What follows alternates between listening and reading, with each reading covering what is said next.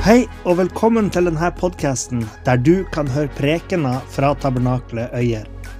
Vi håper det du hører her, vil være til oppbyggelse for det, og at det kan være til hjelp med å lede det til sannheten om Jesus. Hvis du ønsker å finne ut mer om oss, kan du gå inn på hjemmesida vår på tabernakletoyer.no.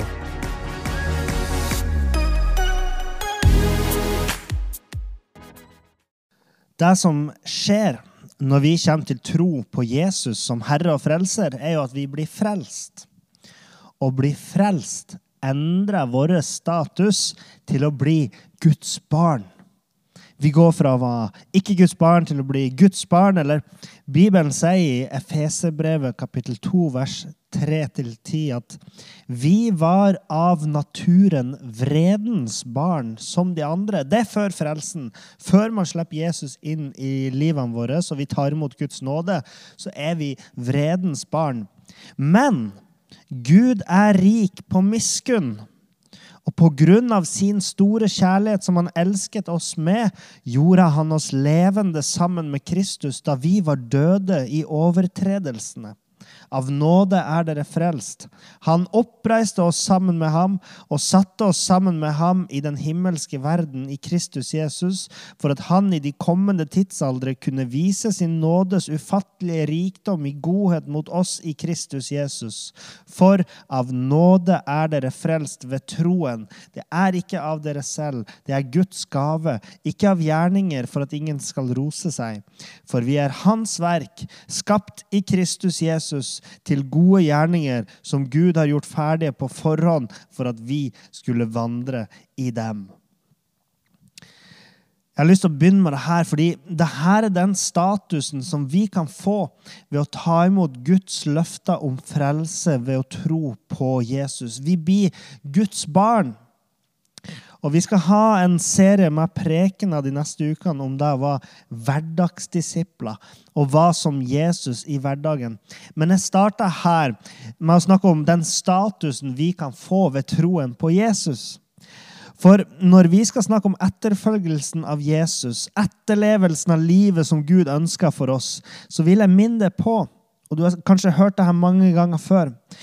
Men jeg vil minne deg på at det er ikke dine gjerninger eller ditt arbeid som gjør det til Guds barn. Og Jeg vil at det skal være klart ifra begynnelsen for det som er her kanskje for første gang, eller som ikke er så stødig på den kristne troa, eller kanskje du er, hører på podkast og vurderer å komme til vår forsamling, at du blir frelst ved din tillit til det Jesus har gjort for deg. Ikke ved at du først er en god disippel. For meg så gjorde Gud meg levende i Kristus da jeg var død i min synd. Jeg er frelst av nåde. Det er en Guds gave. Og hvordan en slags disippel jeg skulle ende opp som, så vil det være Guds verk. For han har lagt grunnvollen for deg. Han har gitt meg status som et frelst Guds barn. Og har til og med lagt ferdig gode gjerninger for meg, sånn at jeg kan gå i de. Gud har gjort det mulig for meg og for deg å vandre sånn som Jesus gjorde. Og gå i de gode gjerningene som Jesus gikk i. Og muligheten til det her er noe som Gud har sørga for. Så det å bli frelst av nåde ved troen på Jesus åpner opp for et helt nytt liv. Og det er dette nye livet vi skal snakke om. Etterfølgelsen av Jesus. Det er en eh, kanadisk psykiater som de siste årene har blitt en uh, verdenskjendis. Han uh, heter Jordan Peterson, og, og, en av de tingene som er litt bemerkelsesverdig ved han, er at han har bevega seg fra å være ateist til å komme veldig nært deg å kunne kalle seg en kristen, hvis han ikke allerede kaller seg en kristen. Uh, og i hvert fall tidligere så har han sagt at han liker ikke spørsmålet tror du på Gud? Han bruker å si at fordi jeg vet ikke hva det betyr. Så da svarer han heller at han velger å leve som om Gud fantes. Og uten at jeg er helt sikker på hva han mener med det, så tenker jeg at, eh, at han mener at han velger å liksom, prøve å leve i tråd med bibelsk etikk. da. Men når jeg har hørt det her, så har jeg tenkt at problemet med det er jo nettopp det her med bekjennelsen av tro. Og det er fordi at Bibelen lærer at troen og tilliten til Jesus er grunnvollen for hele det livet man lever som en kristen. Du kan forsøke å gjøre alle tingene som Bibelen sier at vi bør gjøre, så godt du bare kan. Men uten troen så gir det oss ingenting. Det er troa som fører til frelse. Og Bibelen snakker så mye om viktigheten av å tro, og Jesus sa, 'Tro på meg'. Fordi det er troen som fører til frelse. Og en del av frelsen er at et nytt liv åpnes opp for oss, og vi settes i stand til å leve etter Guds vilje ved Den hellige ånd, sånn at vi kan vandre sammen med Jesus og gå i hans fotspor. Det står i 1. Korinterbrev kapittel 3, vers 11-15. Ingen kan legge noen annen grunnvoll enn den som har lagt. Det er Jesus Kristus. Det er grunnvollen vi bygger vårt liv på. Og vi må tro at denne grunnvollen holder, sant? At den holder livet vårt oppe. Og Paulus skriver videre om noen bygger på denne grunnvollen med gull, sølv, kostelige steiner, tre, høy eller halm, skal den enkeltes arbeid bli åpenbart for dagen skal vise det. For den skal bli åpenbart med ild. Og ilden skal prøve den enkeltes arbeid og finne ut hvilken kvalitet det er av. Ok, Så livet vi lever som Guds barn, livet vi lever som Jesus-disipler, etterfølgere av Frelseren, det skal testes. Hvordan vil våre handlinger stå seg når vi kommer framfor Gud? Hvis det verk han har bygd opp, blir stående, skal han få lønn.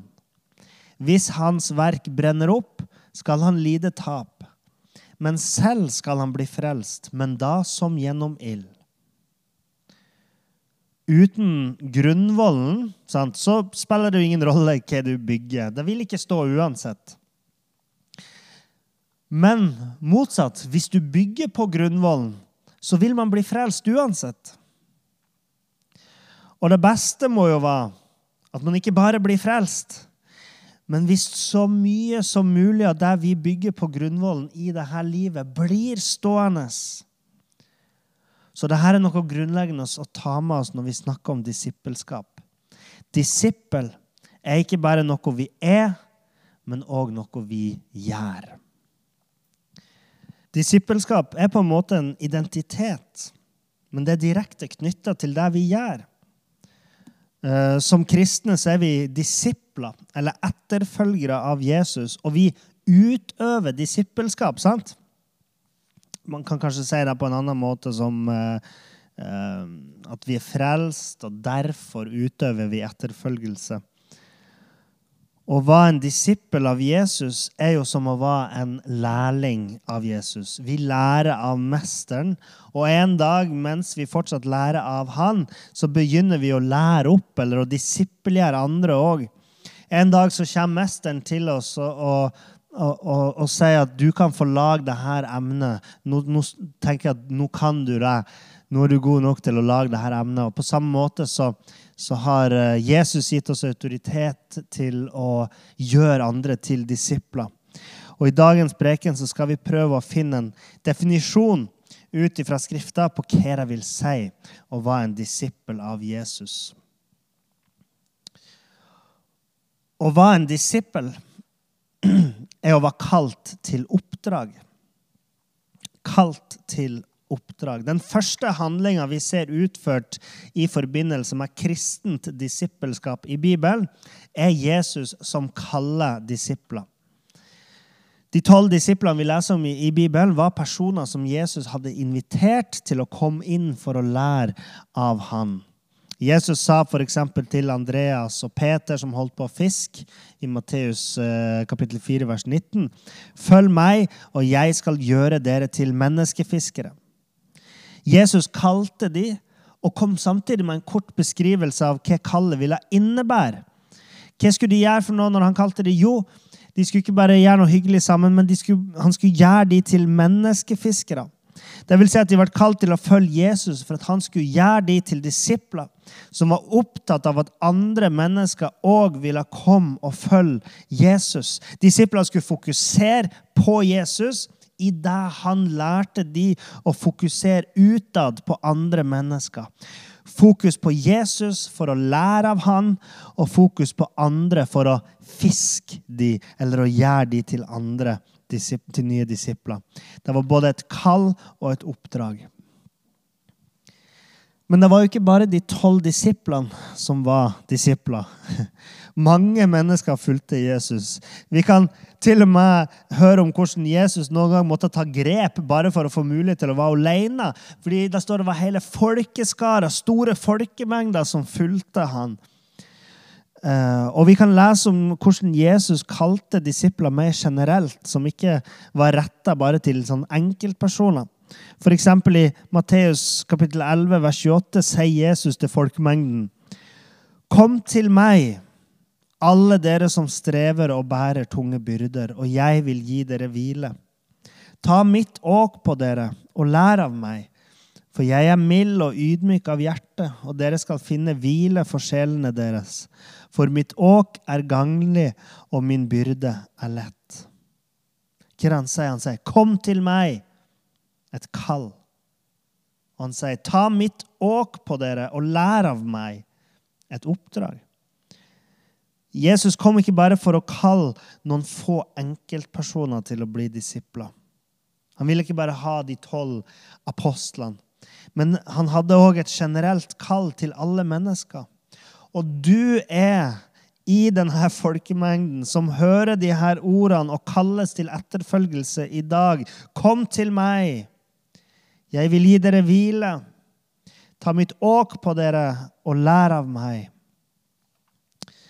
Så felles for alle disiplene er at man har et kall til oppdrag fra Jesus. Jesus sa òg til disiplene i Matteus 28, vers 18-20 at meg er gitt all makt i himmel og på jord. Gå derfor og gjør alle folkeslag til disipler, mens dere døper dem til Faderens og Sønnens og Den hellige ånds navn, og lærer dem å holde alt det jeg har befalt dere. Og se, jeg er med dere alle dager inntil denne tidsalders ende.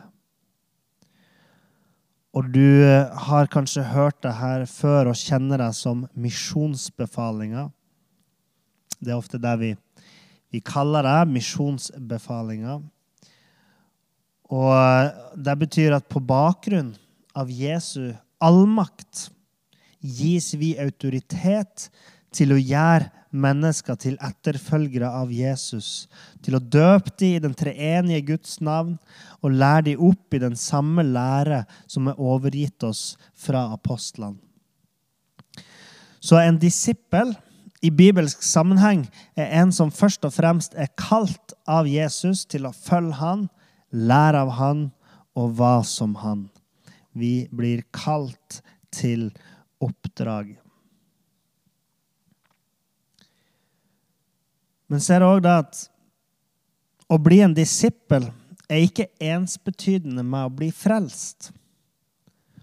Troa er broa som tar etterfølgelse til sann etterfølgelse i ånd og sannhet. Jeg snakka om det her i, stad, at uh, troen er den som fører oss til frelse. Å ha status som frelst innebærer at man blir en disippel. Men å bli en disippel innebærer ikke nødvendigvis frelse. For som vi skjønner, så er det jo mange som har kallet til etterfølgelse. Kallet går ut til alle mennesker. Men å høre kallet fører ikke nødvendigvis til at folk følger etter. Og mange hører kallet, men de blir ikke disipler.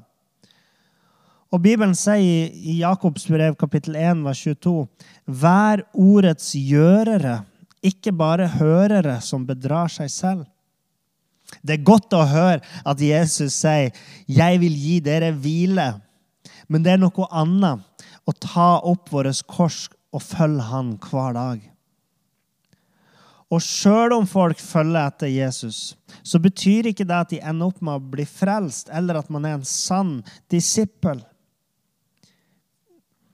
Fordi mellom deg at du blir kalt av Jesus, mellom deg og det at du blir en menneskefisker som forteller andre om Jesus, så kommer jo nettopp dette viktige steget, nemlig at du kommer til tro på Jesus og stoler på han.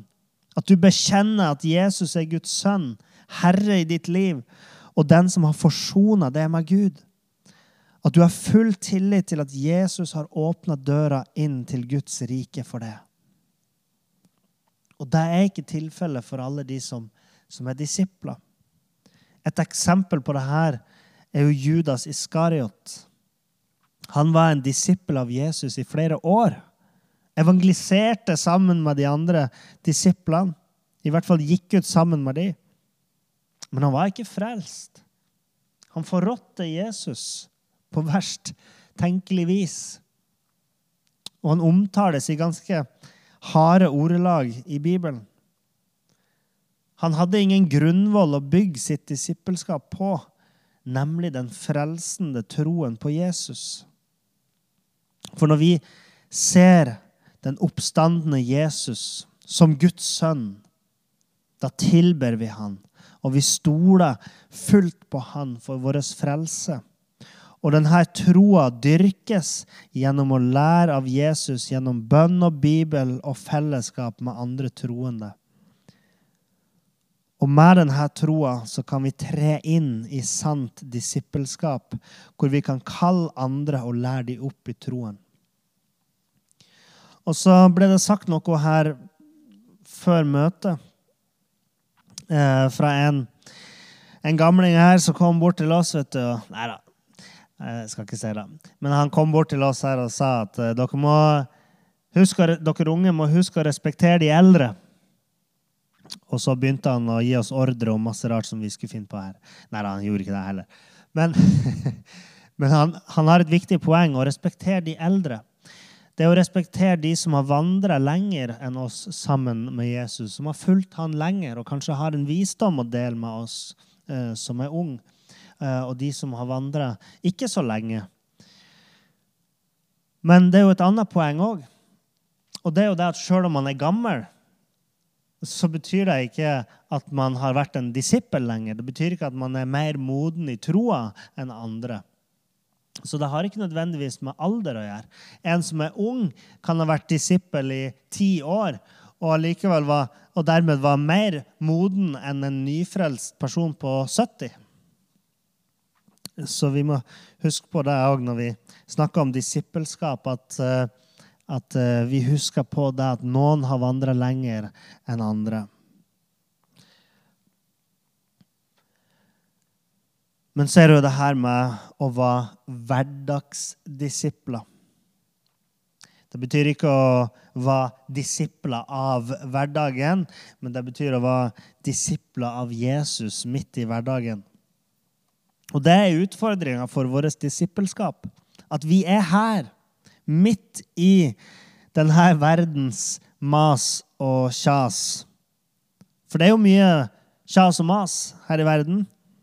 Og mange av dere har sikkert et ønske om å være en mer engasjert disippel og bruke mer tid på å sette ved Jesu føtter, bruke mer tid på å leve i det kallet som han har gitt det. Bruk mer tid på å disippelgjøre andre. Man kanskje ser på disiplene som gikk sammen med Jesus, hvordan de via livet sitt til å gå sammen med han og, og tenke at 'jeg burde ha vært der'.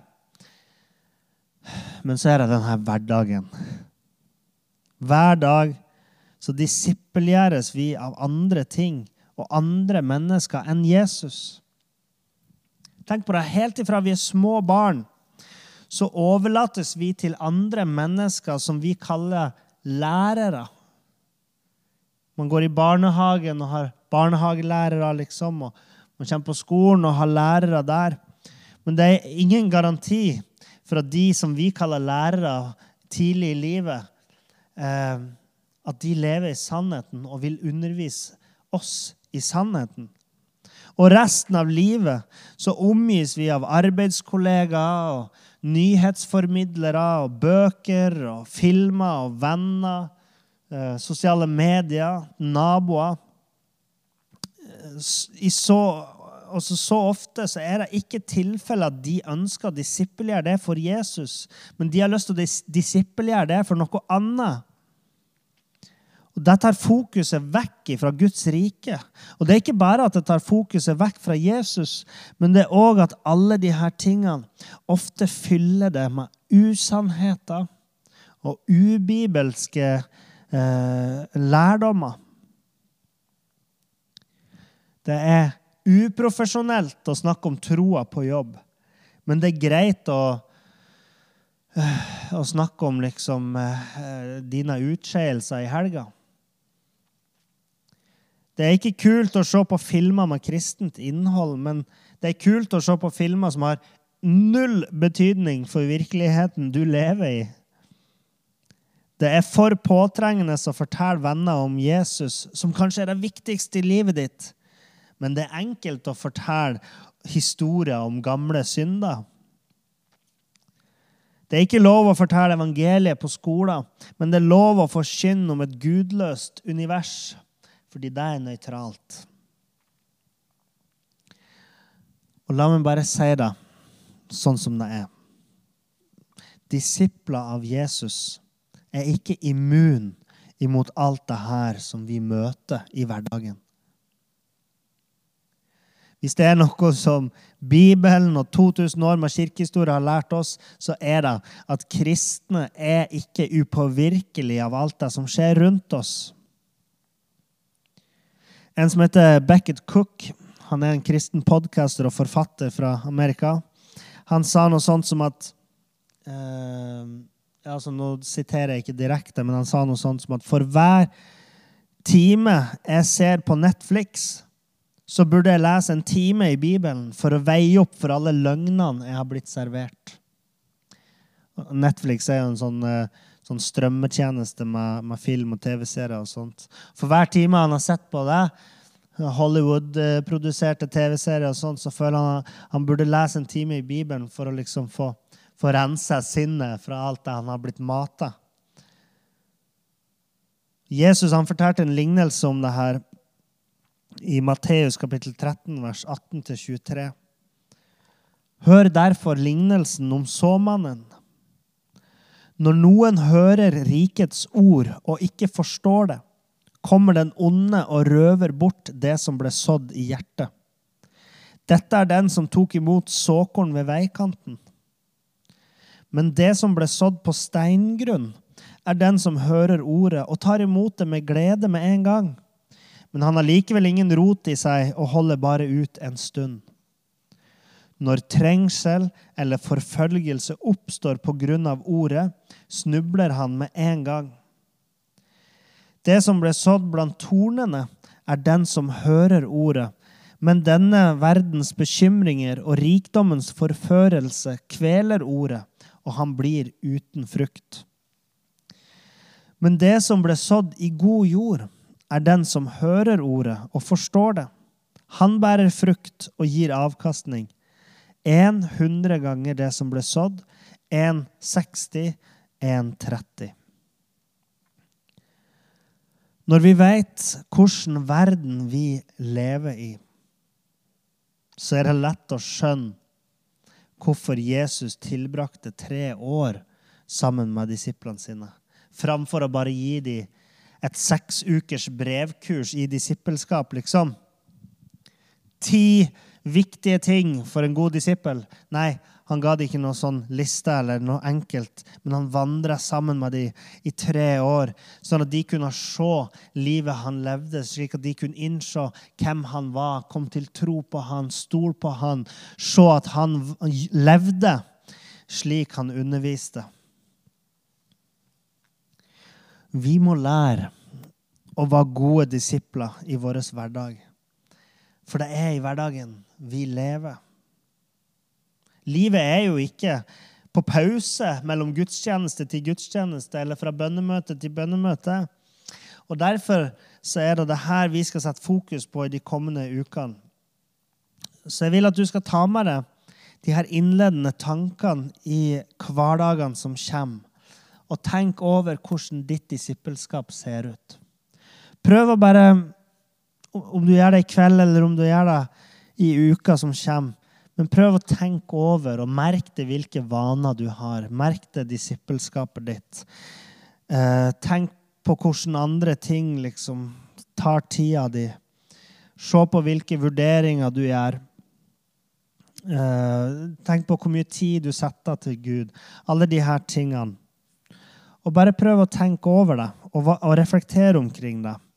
Hvordan det ser ut i det du tar med deg de her innledende tankene som jeg har delt i dag. Og så skal vi snakke mer om det i de kommende ukene. Jesu kall til disippelskap gjør seg gjeldende for oss alle. Det berører alle mennesker fordi det er et kall til alle. Hvorvidt vi tror eller tviler, om vi er frelst eller ufrelst, om vi er gamle eller unge. Det er et oppdrag òg som berører alle sider av livene våre. Og det har et høyt mål å gjøre andre mennesker til disipler. Og du kan spørre deg sjøl vil du være ordets gjører midt i din hverdag. Vil du ta imot frelsens gave og holde fast på det Gud har gitt deg? Vil du være en trofast etterfølger av Jesus når du omgis av en verden som forsøker å hindre det? Vil du bygge på Kristi grunnvoll, sånn at det står seg gjennom ildprøven? Vil du følge Jesus og bare lære hvilket liv han har for deg?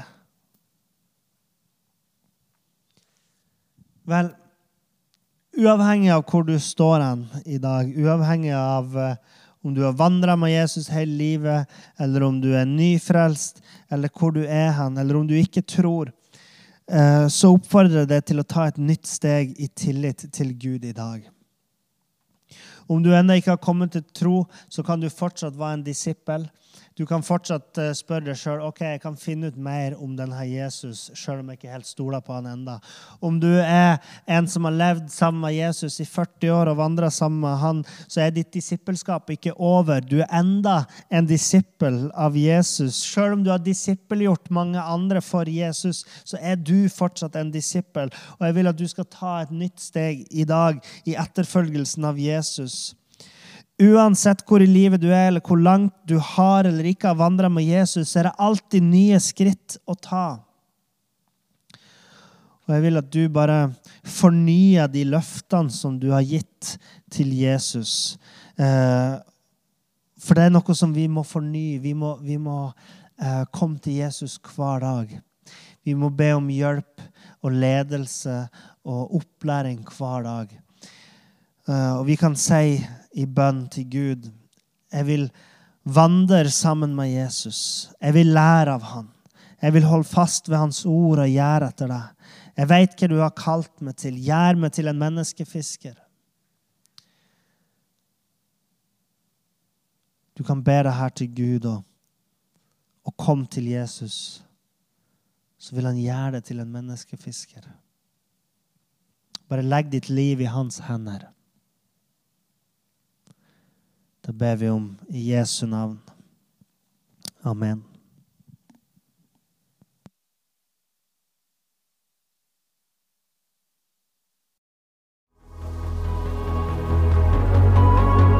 Takk for at du hørte på. Hvis du tok et steg i tro i dag, eller du har noe du ønsker forbønn for, så vil vi gjerne høre ifra det via e-postadressen kontakt alfakrølltabernakletogjer.no. Du er òg velkommen til våre ukentlige gudstjenester i menighetslokalet i Haugskultura 5 26 36 Øyer.